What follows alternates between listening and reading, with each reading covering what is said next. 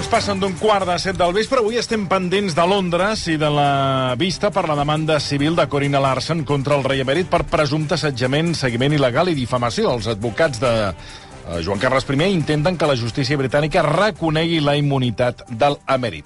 Això és el que eh, s'haurà de determinar o es podria determinar en els propers dies, eh, però que, en tot cas, eh, encara no s'analitzarà a fons aquesta qüestió avui, sinó que tot això ha començat avui en aquest procés que tot seguit eh, ens explicarà Ernesto Ekaizer. Ernesto, bona tarda.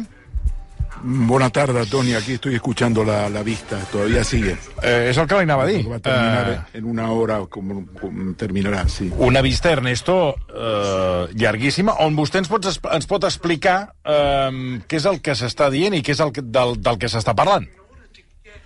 Sí, bueno, ha hablado casi cinco horas. Espera, voy a pagar porque está hablando el abogado de Corina y es muy interesante lo que está diciendo.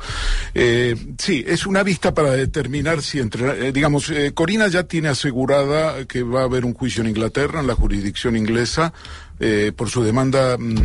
Eh, con, por del, presuntos actos de acoso, difamación y seguimiento ilegal por parte de agentes del Centro Nacional de Inteligencia en Londres, Mónaco y Suiza. Eso está asegurado a partir del 2014. La discusión es entre el 2012 que han tenido actos importantes también.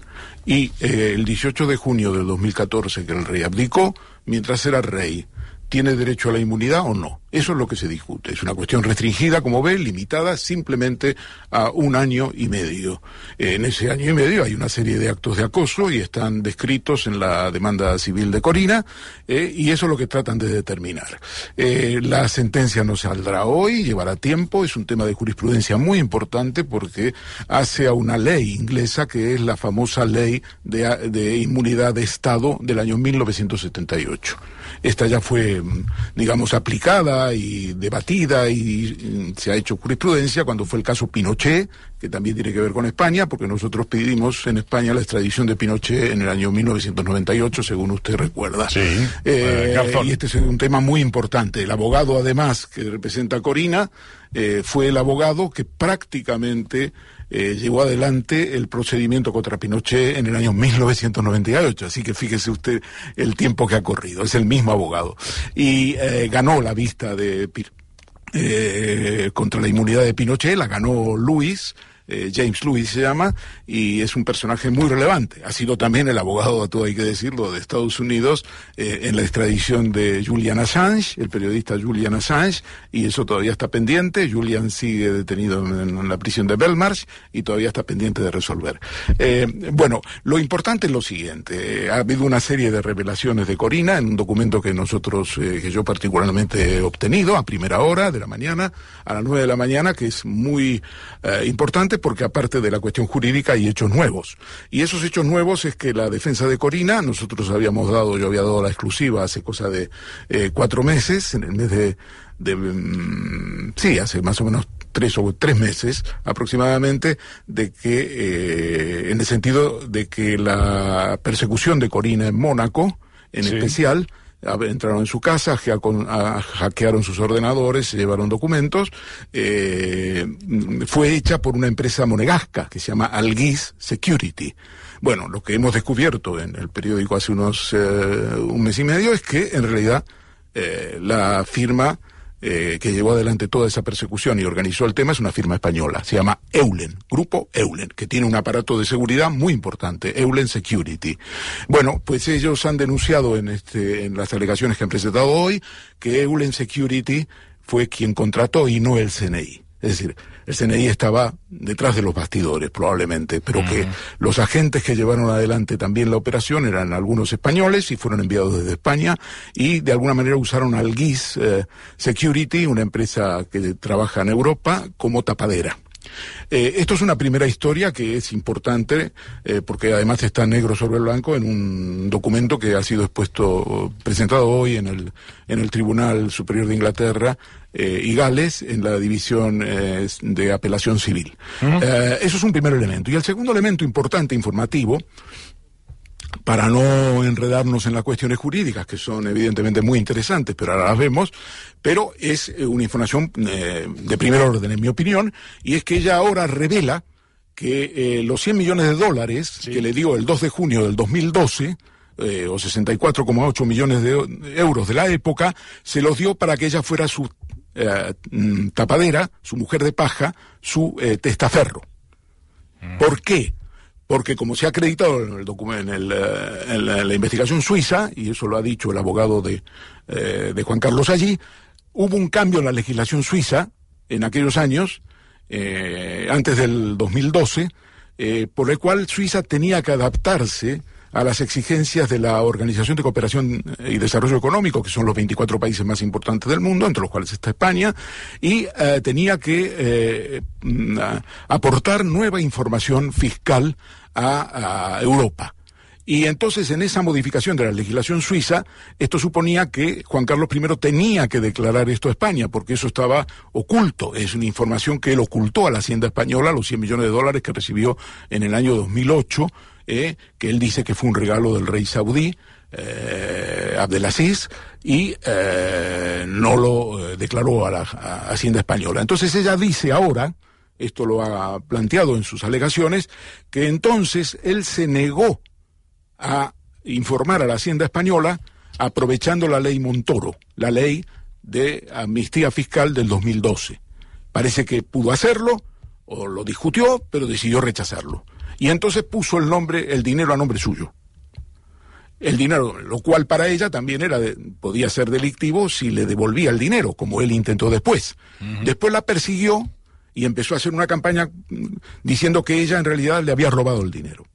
Entonces, esta revelación también es muy importante, porque como usted sabe, el tema de los 100 millones de dólares, por aquí por España, por la calle de Fortuny, en la Fiscalía General del Estado, vamos, ni se lo olieron, ni, ni siquiera investigaron, vamos. Esos 100 millones, como eran de esa época, ¿eh? y eso ya era muy antiguo, pues eso no se investigó. Eh, ahora nos cuenta ella que eh, eso podía haber sido regularizado, blanqueado, en la amnistía mm, fiscal de Montoro. en 2012, pero que él se negó. Y que prefirió ponerlo a nombre de ella para seguir utilizando ese dinero. Que ella dice que el abogado de Juan Carlos I en Suiza eh, le dijo, le dio instrucciones para que eh, no le diera dinero. ¿Por qué? Porque si le daba dinero estaba actuando como encubridora, como eh, lavadora de dinero de Juan Carlos. Que la única condición que le puso es que si efectivamente le pensaba dar dinero, simplemente le enviara todo el dinero a una cuenta oficial suya. Y que él se negó rotundamente.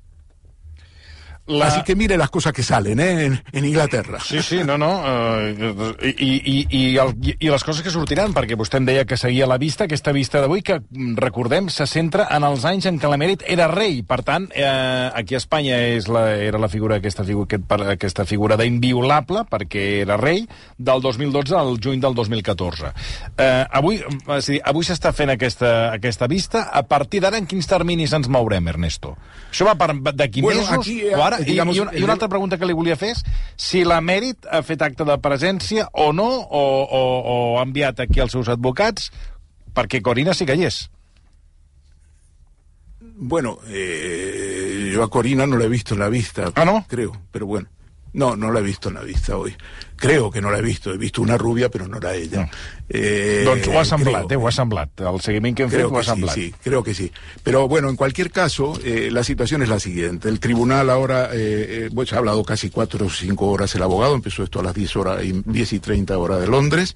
Eh, y ha hablado durante cuatro, casi cinco horas. Ahora está hablando el abogado de Corina, James uh -huh. Lewis, porque primero habla quien apela, quien recurre, y luego contesta eh, la persona que eh, es, digamos, la acusación aquí, que es eh, Corina Suzanne Wittgenstein y su abogado James Lewis. Mm. Entonces, aquí el planteamiento es el siguiente, lo que el planteamiento de, la de, de, de, de los abogados de Juan Carlos es, en mi opinión, muy riesgoso muy riesgoso, porque fíjese, lo que ellos dicen se escudan en el CNI, como en su eh, demanda civil, Corina puso que San Roldán era el director del CNI y que Juan Carlos era el jefe de Estado y que por lo tanto actuó eh, San Roldán en defensa de su a, sí. a, amigo y, y, superior, digamos, sí, sí, eh, cap eh, jefe de Estado. Entonces ellos han hecho una trampilla muy interesante, es muy interesante verlo, es una partida de ajedrez, donde dicen que eh, pues eh, lo que de, lo que la demanda de alguna manera plantea es que esto fue lo que pasó, el acoso, eh, la difamación, la, el seguimiento ilegal, fue un acto de Estado. Y en la medida en que el rey de España tenía eh, inmunidad, tenía inmunidad en ese periodo, y el CNI también, pues entonces no puede someterse en esos años 2012 a 2014 al enjuiciamiento en el Reino Unido. Porque hay una ley, que es la ley de mm, inmunidad de Estado del año 1978, que cubre a aquellos oficiales o funcionarios o jefes de Estado que actúan en capacidad pública, que actúan en capacidad oficial. Es decir, que están ejerciendo un poder del Estado. Y entonces, claro, el planteamiento sería aberrante absurdo considerar que un presunto acoso, un presunto seguimiento ilegal, una presunta difamación, como es la que se invoca aquí, eh, puede estar dentro de las tareas de un jefe de Estado. Puede ser parte de la función de un jefe de Estado o de un director de inteligencia. Entonces el planteamiento es que ellos intentan salvarse con esto, ese año y medio, porque como decía a partir de 2014 ya no hay nada que hacer, eso se va a enjuiciar en la jurisdicción británica y son muchos hechos, pero intentan de alguna manera pues eh, desactivar la bomba que significa eh, van a citar a, en principio entre los testigos está citado no solo el rey, el rey por supuesto está citado, ya veremos si va, pero también está citado San Roldán, el general San Roldán. El planteamiento de, la, de los abogados de Corina dice, hombre, la ley de, inmunidad de Estado del año 1978 se refiere a actos oficiales, actos que desarrollan los funcionarios en su función pública. Tiene que tener una relación con su función pública. ¿Qué relación con su función pública tiene el acoso? ¿Qué relación tiene con la función pública del rey o del señor San Roldán? La difamación. ¿Qué relación tiene con el rey o con el señor San Roldán? El seguimiento ilegal. El hecho de que haya sido por agentes del CNI, bueno, eso no quiere decir de que sea un acto oficial. Pudieron haber utilizado, pudieron haberlos utilizado contra el Estado. Y entonces el planteamiento es muy interesante porque viene a decir, si esto es un acto de Estado, esto implica a España.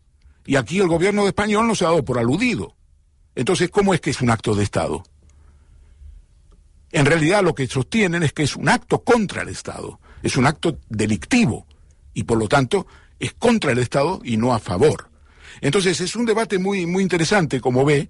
Eh, vamos a ver lo que van a resolver. Yo creo que van a resolver eh, mes y medio, dos meses, no antes, porque es un tema de jurisprudencia, porque aquí están intentando ver cómo funciona la jurisprudencia que ya hay en el Reino Unido y cómo se encaja esto, porque eh, no son delitos normales eh, el acoso y normales que, digamos, comete un jefe de Estado. Eh, de momento no hay antecedentes. Entonces tienen que ellos hacer jurisprudencia y por lo tanto se van a tomar un tiempo. Es interesante que el tribunal está compuesto por dos mujeres, juezas, y un juez. ¿eh? Esto de las dos mujeres es interesante porque, bueno, pues estamos también en un tema de acoso, ¿no? Y veremos a ver cómo cómo funcionan las magistradas inglesas en, en este punto, ¿no? ahora, yo eh, le digo a la. he estado en, entrevistas, como autor del libro El Rey al Desnudo, Historia de un Fraude.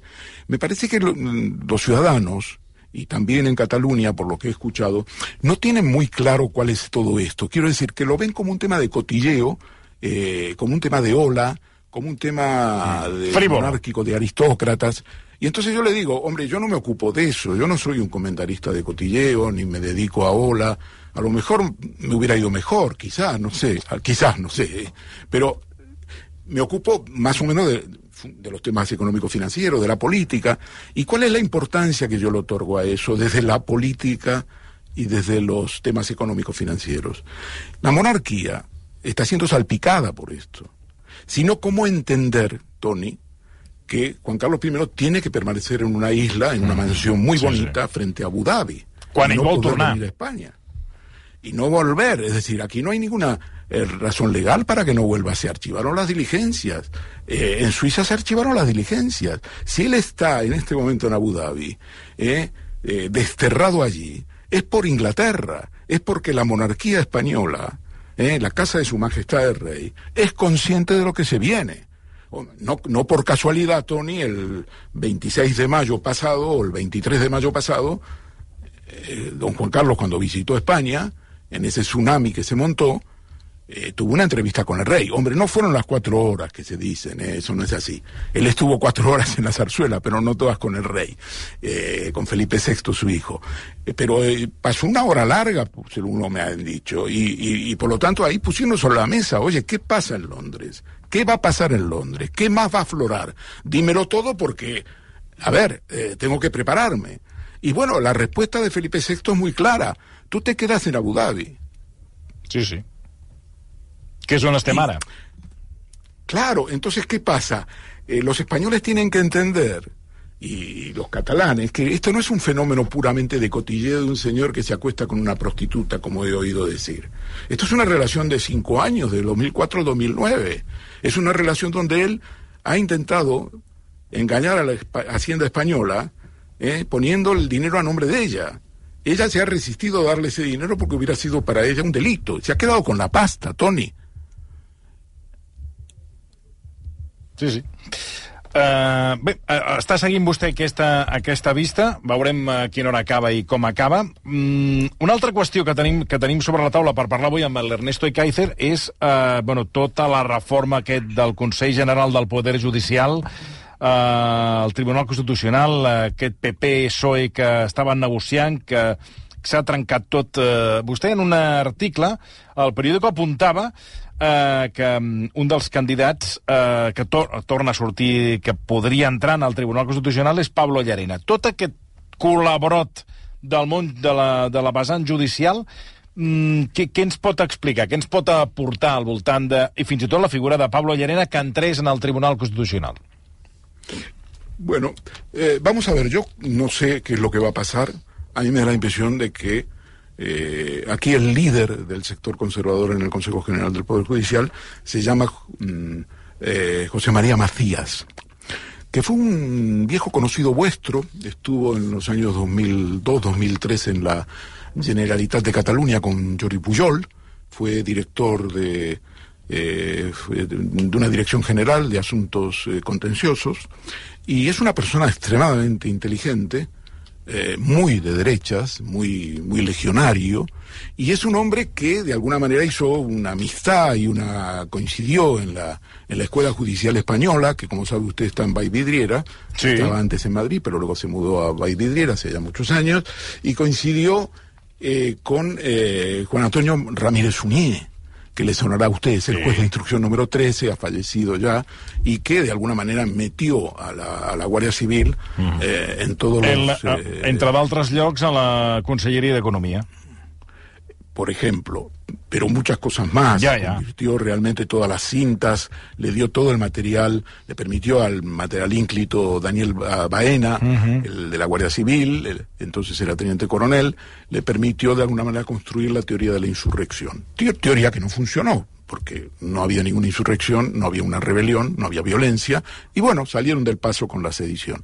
Pero bueno, a lo que iba. Entonces, eh, Macías se ha convertido en el negociador principal del sector duro de la, del Consejo General del Poder Judicial, él es vocal, sigue siendo socio eh, muy importante del bufete Cuatro Casas. Uh -huh. eh, esto parece una publicidad, pero sí. No, no, pero es así. Sí, es así.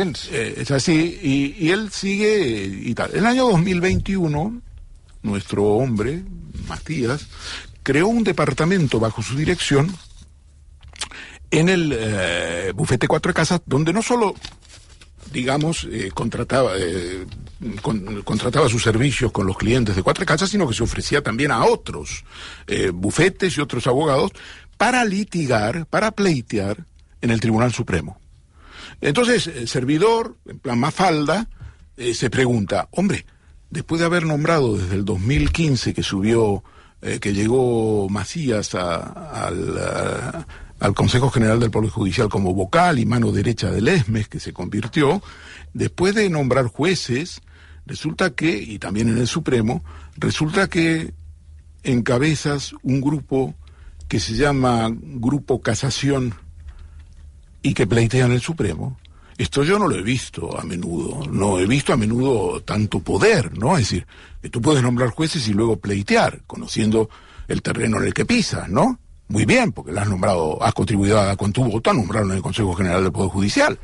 Y este hombre ahora está presionando al Tribunal Constitucional y sobre todo a Pedro González Trevijano, su presidente caducado ya, el 12 de junio pasado, un hombre que puso en su día el Partido Popular en la época de Mariano Rajoy, en 2013, este está presionando al Tribunal Constitucional para que eh, se declare, se eh, vean dos recursos de hace tiempo, dos recursos de inconstitucionalidad, uno del PP y otro de Vox, contra la ley orgánica del año 2021 que prohibió hacer nombramientos al Consejo General porque ya estaba caducado porque ya, prácticamente lleva dos mandatos. Ha sido elegido por uno y va a llevar dos mandatos.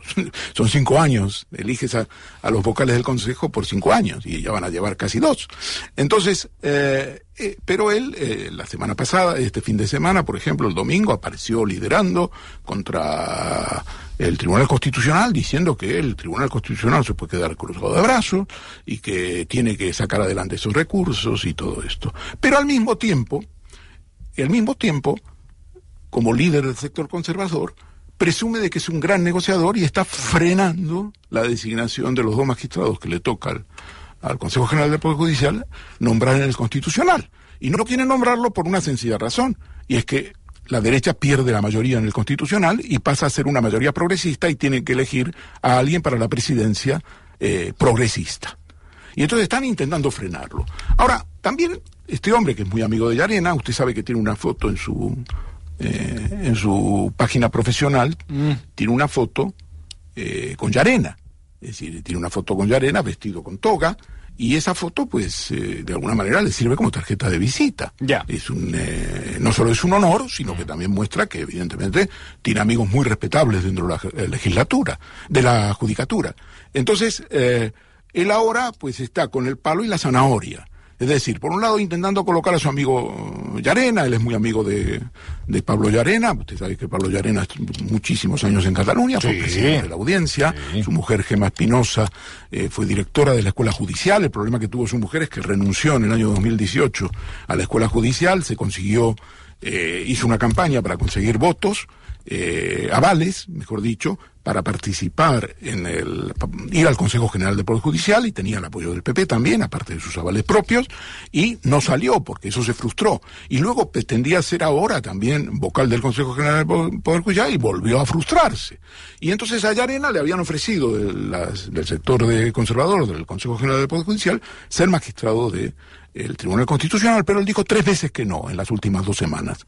Y ahora Macías bueno, pues está viendo que se está moviendo, que quiere, que... A ver, y Yarena ha vuelto a la, a la mesa de negociación, no se sabe bien si quiere o no quiere. Lo que él ha dicho, eh, y puede darnos alguna pista, es que no, que él no quería desvalorizar al Tribunal Constitucional cuando dijo que no quería ser magistrado del Constitucional hace dos o tres semanas, sino que lo que pasa es que él no quería perjudicar a su esposa, porque como se iba a renovar el Consejo General del Poder Judicial y ella iba a ser vocal, pues no quería perjudicarla con su nombre, yendo también al Constitucional. Y que entonces ahora que ya no va a haber eh, renovación del Consejo General del Poder Judicial por mucho tiempo, hasta las próximas elecciones probablemente, eh, hasta después de las próximas elecciones, pues entonces él parece que se siente en libertad y querría ir al Constitucional. Ya veremos. Eh, evidentemente, mm, para Yarena tendría que dejar todos los temas de instrucción del proceso, que todavía tiene, está la cuestión prejudicial en el, en el Tribunal de Justicia de la Unión Europea, está en el tema de las euroórdenes. Bueno, en el constitucional no queda mucho del proceso, prácticamente quedan algunas cosas, pero no muchas, por lo tanto él debería abstenerse allí cuando se toquen esas cosas, pero podría ser una, una posibilidad. Pero yo no veo, francamente, al sector conservador nombrando a los magistrados del Tribunal Constitucional porque quieren evitar que el sector progresista tenga la mayoría y, sobre todo, a continuación, tengan un presidente progresista. Ernesto, avui ho hem de deixar aquí. Moltíssimes, moltíssimes gràcies. Una abraçada. A vosotros. Adéu-siau, bona tarda. Ernesto de Cácer des de Madrid. També ja acabem. Tot seguit us deixem amb el partit Elx-Girona. Girona. Versió RAC 1.